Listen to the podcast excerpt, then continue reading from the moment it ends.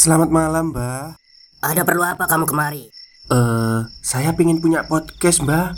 Biar pacar saya makin cinta sama saya. Loh, loh, loh.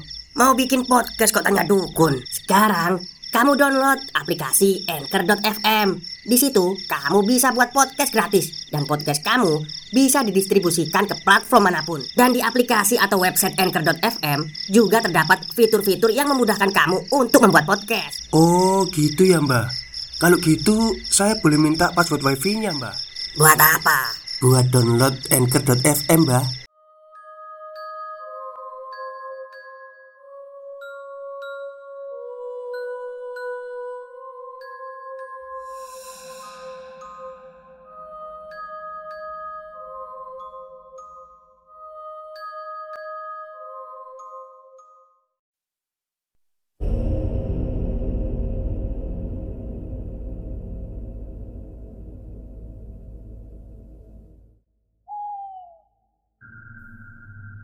Assalamualaikum warahmatullahi wabarakatuh. Halo semuanya. Jumpa lagi dengan saya Chow Sing Sing Kurator dari podcast Horror Night Story.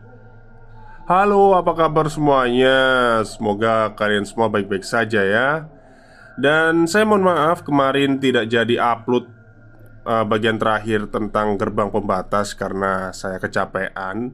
Tapi ya udahlah nggak apa-apa ya. Mohon maaf juga dan hari ini saya akan upload bagian terakhir dari gerbang pembatas. Oke, daripada kita berlama-lama, mari kita simak ceritanya. Mamang tidak yakin mereka bisa diselamatkan, tapi semoga saja pikiran Mamang salah. Ucap Mang Badru. Tapi Mang, apa mungkin sampai segitunya? Bukannya itu sedikit berlebihan? Ucap Keisha Mungkin buat kamu semuanya kelihatan mustahil dan berlebihan Kamu lihat kan wanita yang kerasukan tadi? Itu pertanda kalau iblis sudah ada di antara kita Iblis dari hutan sudah masuk ke desa kita Dan gak akan ada yang tahu hal buruk apa yang akan terjadi Ucap Mang Badru Keisha tidak bisa berkata apa-apa lagi. Semua yang Mang Badru katakan sangat menyeramkan. Walaupun Keisha masih meragukan hal itu Keisha berpikir untuk kembali saja ke kota secepatnya. Namun Ia harus menemukan Karin dan Tasya terlebih dahulu. Terus Mang Tasya dan Karin ke mana? Bisa aja mereka pulang ke kota tanpa sepengetahuan kita Ucap Keisha Keisha Apa mungkin Mereka tega meninggalkan kamu Kalau misalkan mereka memang kembali ke kota? Doakan saja Semoga mereka bisa diketemukan. Ucap Mang Badru. Mang Badru pamit untuk ikut berdoa bersama warga lainnya. Keisha diminta untuk tidak keluar rumah karena Mang Badru khawatir ada sesuatu yang tidak diinginkan. Di sisi lain, Keisha begitu kebingungan tentang keberadaan kedua temannya itu. Bagaimana bisa tenang? Suara doa dari warga di desa itu terdengar sepanjang hari, yang mana hal itu membuat Keisha semakin ketakutan. Saat hari sudah mulai gelap, Gerbang mulai ditutup kembali. Kali ini ada beberapa orang yang berjaga di dekat gerbang. Tak lama kemudian, Big Siti mengunjungi Keisha di rumahnya. "Keisha, kalau kamu takut, kamu bisa ikut Bibi. Kamu tidur di rumah nenek ya?" ucap Big Siti. "Nggak usah, Bi. Keisha di sini aja." "Oh ya, Bi.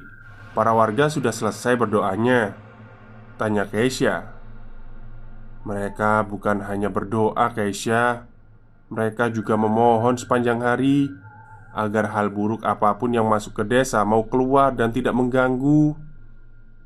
Itulah yang terjadi jika gerbang terbuka di malam hari Karena Iblis sedang mengambil alih kegelapan. Jawab Bik Siti Tapi Bi Apa dengan melakukan hal itu, keberadaan hal buruk itu bisa pergi ninggalin desa ini? Tanya Keisha ragu. Kita semuanya berharap Keisha Warga desa nggak akan pernah tahu Apakah keburukan itu akan pergi atau tidak Ucap Bik Siti. Setelah Bik Siti pamit Keisha berusaha untuk tidur. Ia tidak merasa begitu takut Karena di luar rumah Banyak orang yang berjaga Keisha tak bisa berhenti memikirkan Tasya dan Karin Dan berharap kalau mereka berdua dalam keadaan baik-baik saja.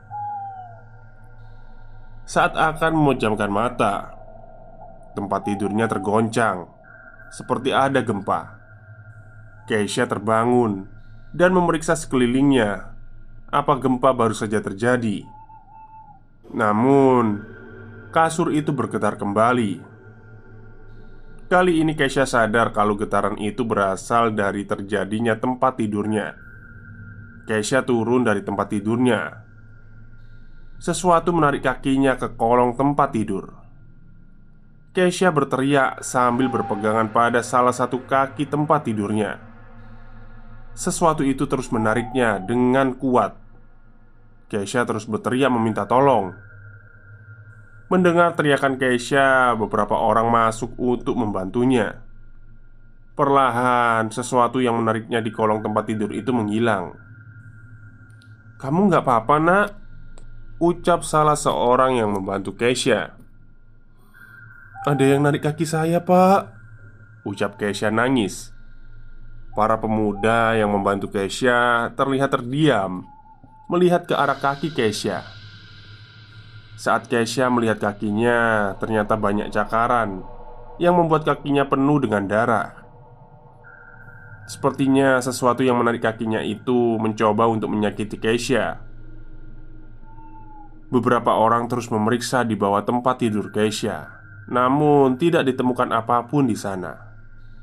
Keisha akhirnya dibawa ke rumah neneknya. Maksudnya itu dibawa ke rumah neneknya Tasya mungkin ya karena khawatir akan ada hal yang buruk lagi jika Keisha dibiarkan sendirian di rumah itu. Bi Siti membantu membersihkan luka cakaran di kaki Keisha. Bi Siti sangat khawatir dan terlihat ketakutan. "Kamu beneran gak apa-apa, Keisha?" "Iya, Bi, gak apa-apa. Tapi Keisha bingung, Bi. Yang nari Keisha tadi siapa ya?" Ucap Keisha Keisha, Bibi semakin yakin Iblis sudah masuk di desa ini. Sepertinya kita semua benar-benar dalam bahaya Ucap Bi Siti dengan air mata yang mengalir di pipinya. Warga desa semakin banyak bersiaga Karena yakin apa yang terjadi pada Keisha Hanya sebuah permulaan. Saat bermalam di rumah nenek Keisha merasa sedikit tenang Karena ada Bi Siti juga yang menemaninya belum sempat ia tidur. Terdengar suara teriakan wanita yang sangat keras Membuatnya terbangun. Bik Siti pun mendengar suara teriakan itu Dan mencoba keluar untuk memeriksanya. Di luar rumah sangat ramai.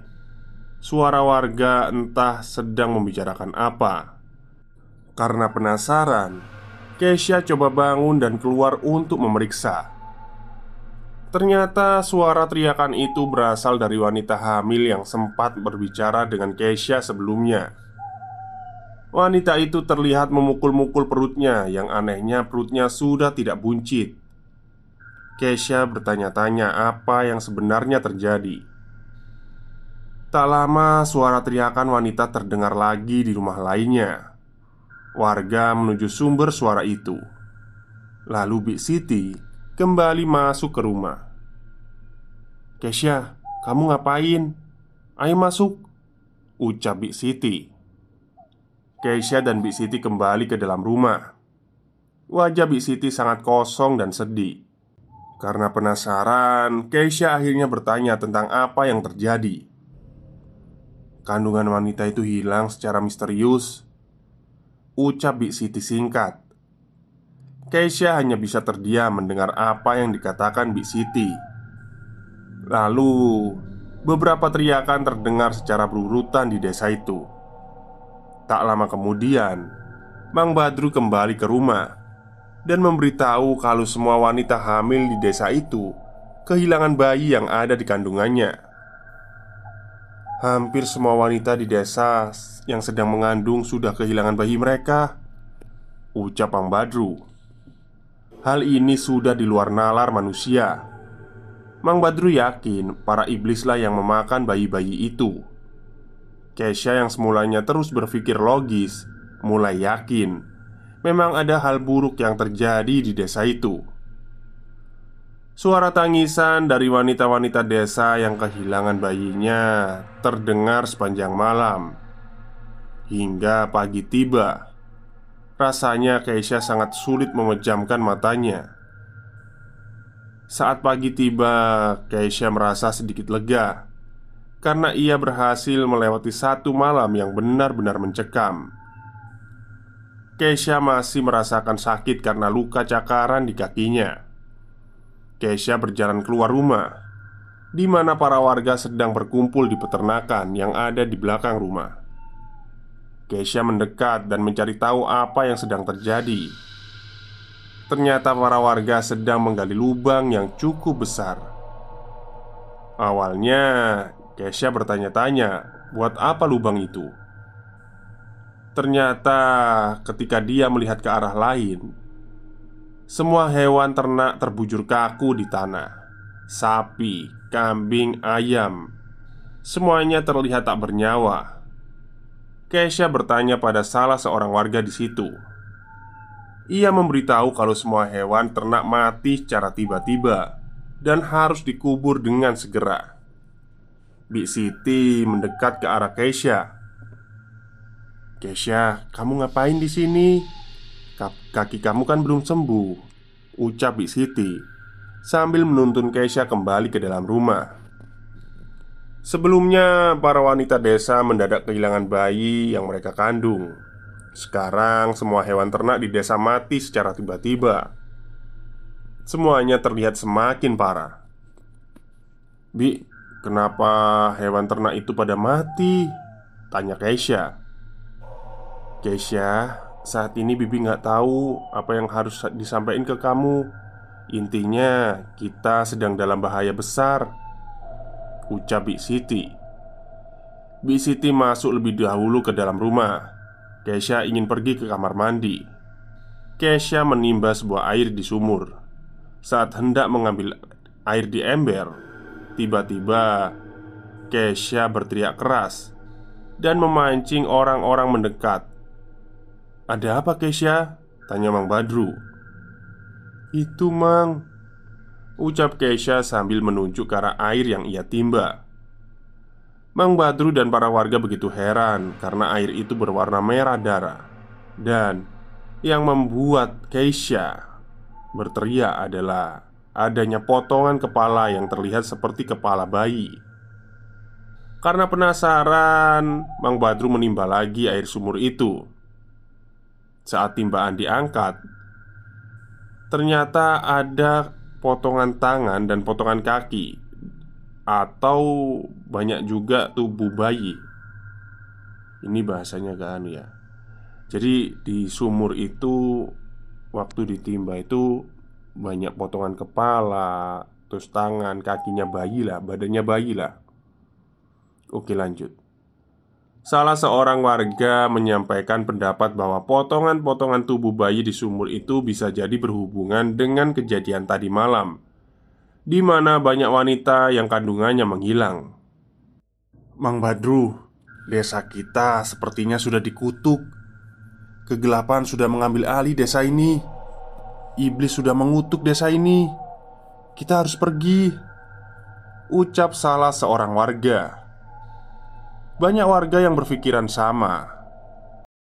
Stop, stop. Kita break sebentar. Jadi gimana? Kalian pengen punya podcast seperti saya? Jangan pakai dukun, pakai anchor, download sekarang juga gratis. Mereka harus pergi, tidak mungkin bisa tinggal lebih lama lagi di desa. suasana makin memanas karena ada dua kubu yang mempunyai pendapat yang berbeda. Ada yang setuju untuk meninggalkan desa, namun di sisi lain ada yang berpikir untuk tetap tinggal dan mencari solusi. Karena perdebatan antar warga semakin panas, Mang Badru berusaha melerai dengan menjadi pihak penengah.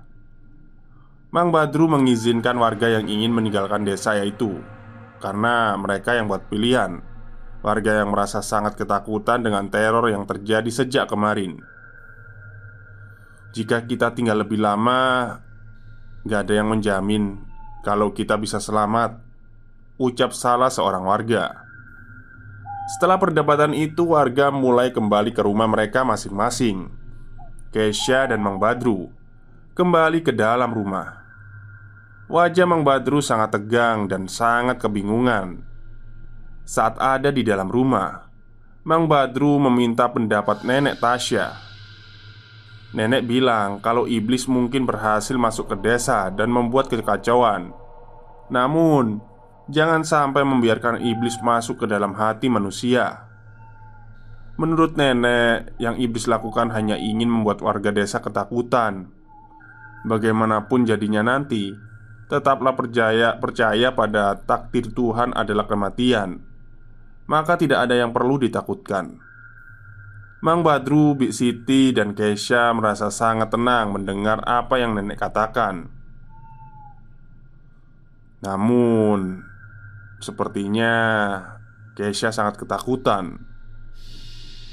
Mereka mungkin akan terus membuat kerusakan dan keburukan, namun jangan sampai kita kehilangan harapan dan mati dalam keadaan menyedihkan. Ucap nenek. Beberapa jam kemudian terdengar suara gaduh di luar rumah Keisha. Mang Badru dan Bik Siti menuju ke luar rumah.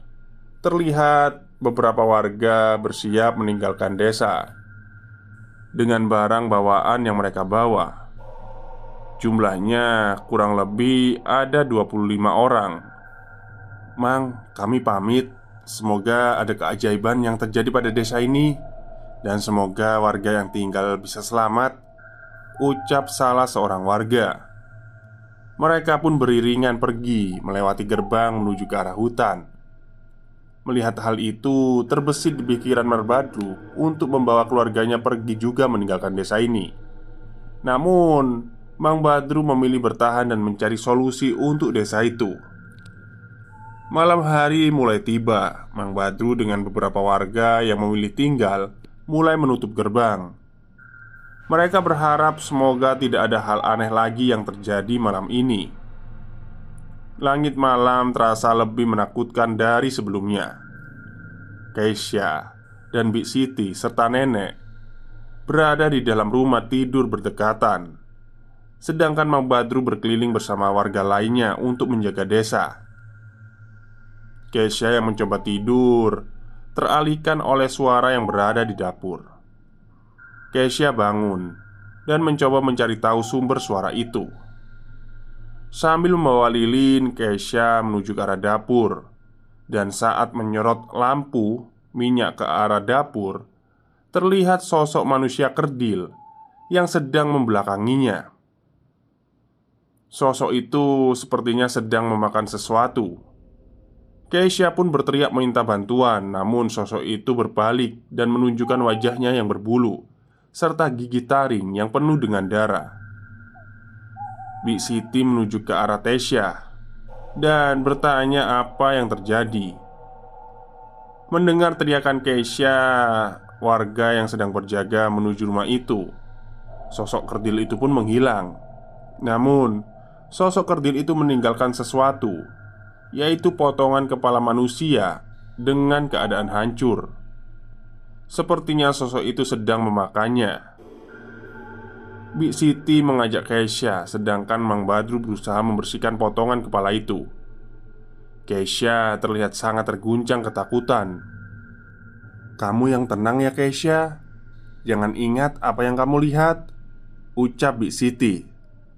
Sambil menangis Keisha berkata Keisha pengen pulang Bi.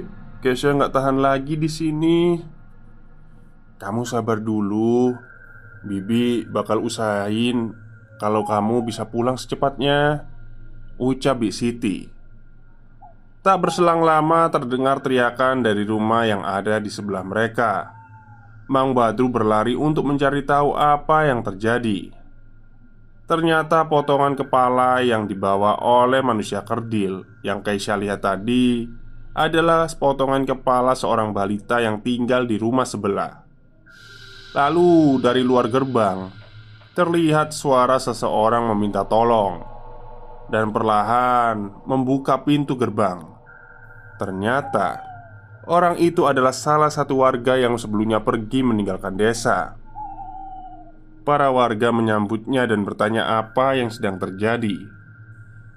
Pria itu menceritakan kalau dia dan rombongan tidak bisa menemukan jalan keluar dari hutan, dan saat malam mulai gelap, satu persatu rombongannya menghilang secara misterius. Ia sadar kalau di dalam gelap ada sosok bertubuh besar yang menelan orang-orang dan hanya menyisakan dirinya sendiri. Intinya, 24 dari 25 orang yang sebelumnya berencana meninggalkan desa meninggal karena diserang sosok bertubuh besar dan menelan mereka. Dengar, jika kalian pikir meninggalkan desa bisa membuat segalanya membaik, kalian salah. Hal ini membuktikan tidak ada tempat untuk pergi Ucap Mang Badru. Para warga mulai kehilangan semangat hidup mereka Dan mulai merasa kalau hidup mereka akan berakhir secepatnya. Jangan putus asa. Apa pun takdir kita nanti Biarlah terjadi. Karena apa pun rencana kalian untuk ke depan Mati akan selalu menjadi akhir dari hidup kita Ucap Mang Badru sama seperti warga desa, Keisha pun mulai merasa pasrah dengan semuanya. Ia merasa tidak akan ada kesempatan untuk keluar dari desa ini. Saat warga tenggelam dalam, dalam perasaan putus asa, nenek keluar dari rumah menuju kerumunan. Masih ada harapan untuk kalian. Masih ada harapan untuk desa ini. Ucap nenek saya merasa sudah cukup menjalani hidup sampai saat ini. Biarlah saya melakukan hal yang berguna di akhir umur saya. Ucap nenek itu. Nenek menjelaskan ke warga ada hal yang bisa dilakukan untuk mengeluarkan iblis dari desa mereka, yaitu dengan melakukan ritual pengorbanan.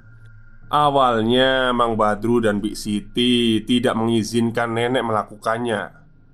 Namun nenek meyakinkan Mang Badru kalau nenek ingin memanfaatkan sisa umurnya untuk membantu banyak orang. Dengan berat hati Mang Badru, Bik Siti merelakan keputusan yang nenek ambil. Nenek mulai menjelaskan Kalau proses ritual itu bertujuan untuk menyerahkan roh seseorang Yang ditumbalkan untuk menjadi budak iblis di alamnya dengan begitu, para iblis yang ada di dalam desa bisa pergi meninggalkan desa karena proses ritual ini memerlukan banyak kayu, dan tak mungkin juga mereka mau mengambil resiko pergi ke hutan. Akhirnya, warga memanfaatkan rumah mereka sendiri untuk dihancurkan karena hampir semua bagian rumah terbuat dari kayu.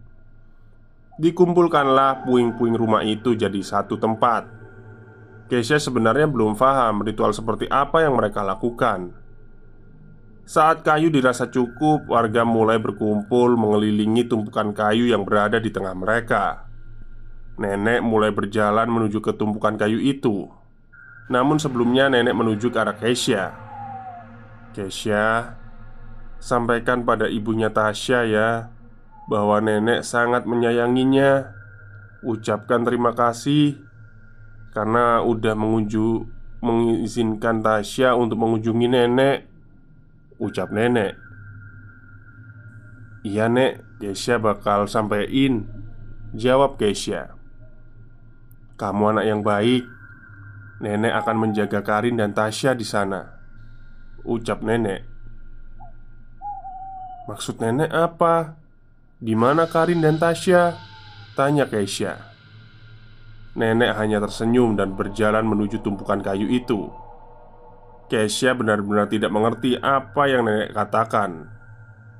Bik Siti, sebenarnya nenek mau apa sih? Tanya Keisha. Pintu gerbang dibuka, lalu seorang pria mendekat ke arah nenek dengan membawa sebuah obor. Keisha mulai paham dan mengerti. Ia tidak bisa berkata-kata. Jantungnya berdetak sangat kencang. Perlahan pria pembawa obor itu mulai membakar kayu di mana nenek berada. Ternyata ritual pengorbanan ini mengharuskan seseorang untuk bersedia dibakar hidup-hidup.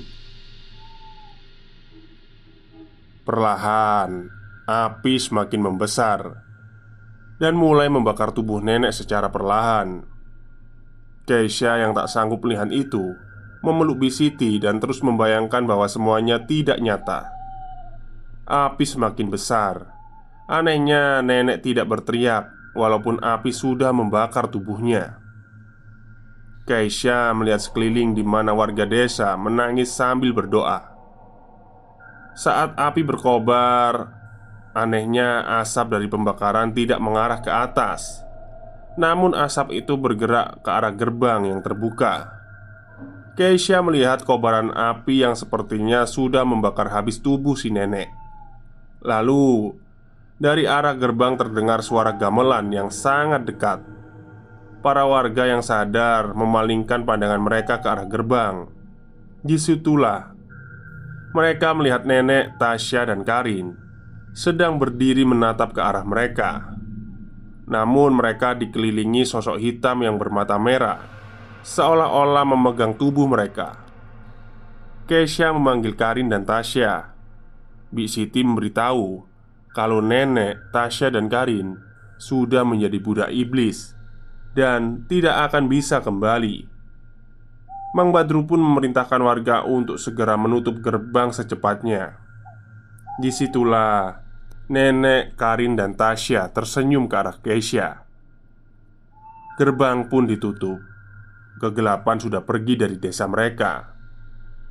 Kesha hanya bisa menangis di pelukan Bik Siti. Kesha, biarkan mereka pergi, ucap Bik Siti. Setelah ritual pengorbanan itu, warga kembali ke rumah mereka. Berbeda dari malam sebelumnya, rasa takut seakan sudah menghilang, membuat Keisha bisa memejamkan mata.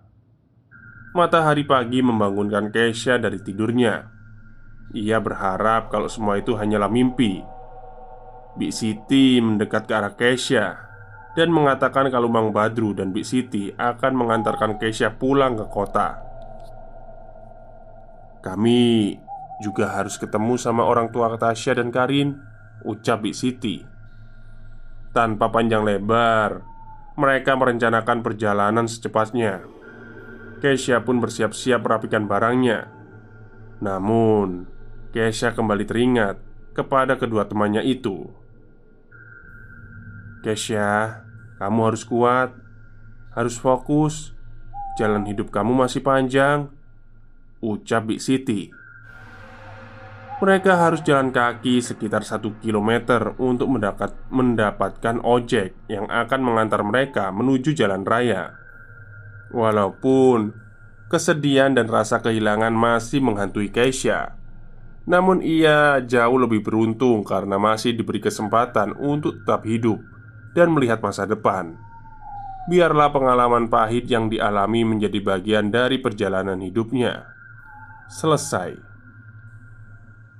Mohon maaf jika masih banyak kesalahan dalam penulisan. Semoga kalian semua terhibur. Terima kasih. Oke, itulah akhir cerita dari Street Horror yang ditulis oleh Mas Bagir Alaidrus ya Akhirnya selesai juga Gerbang Pembatas Ternyata set ending ya Temannya itu meninggal Saya pikir happy ending Oke mungkin itu saja cerita untuk malam hari ini. Kurang lebihnya saya mohon maaf. Wassalamualaikum warahmatullahi wabarakatuh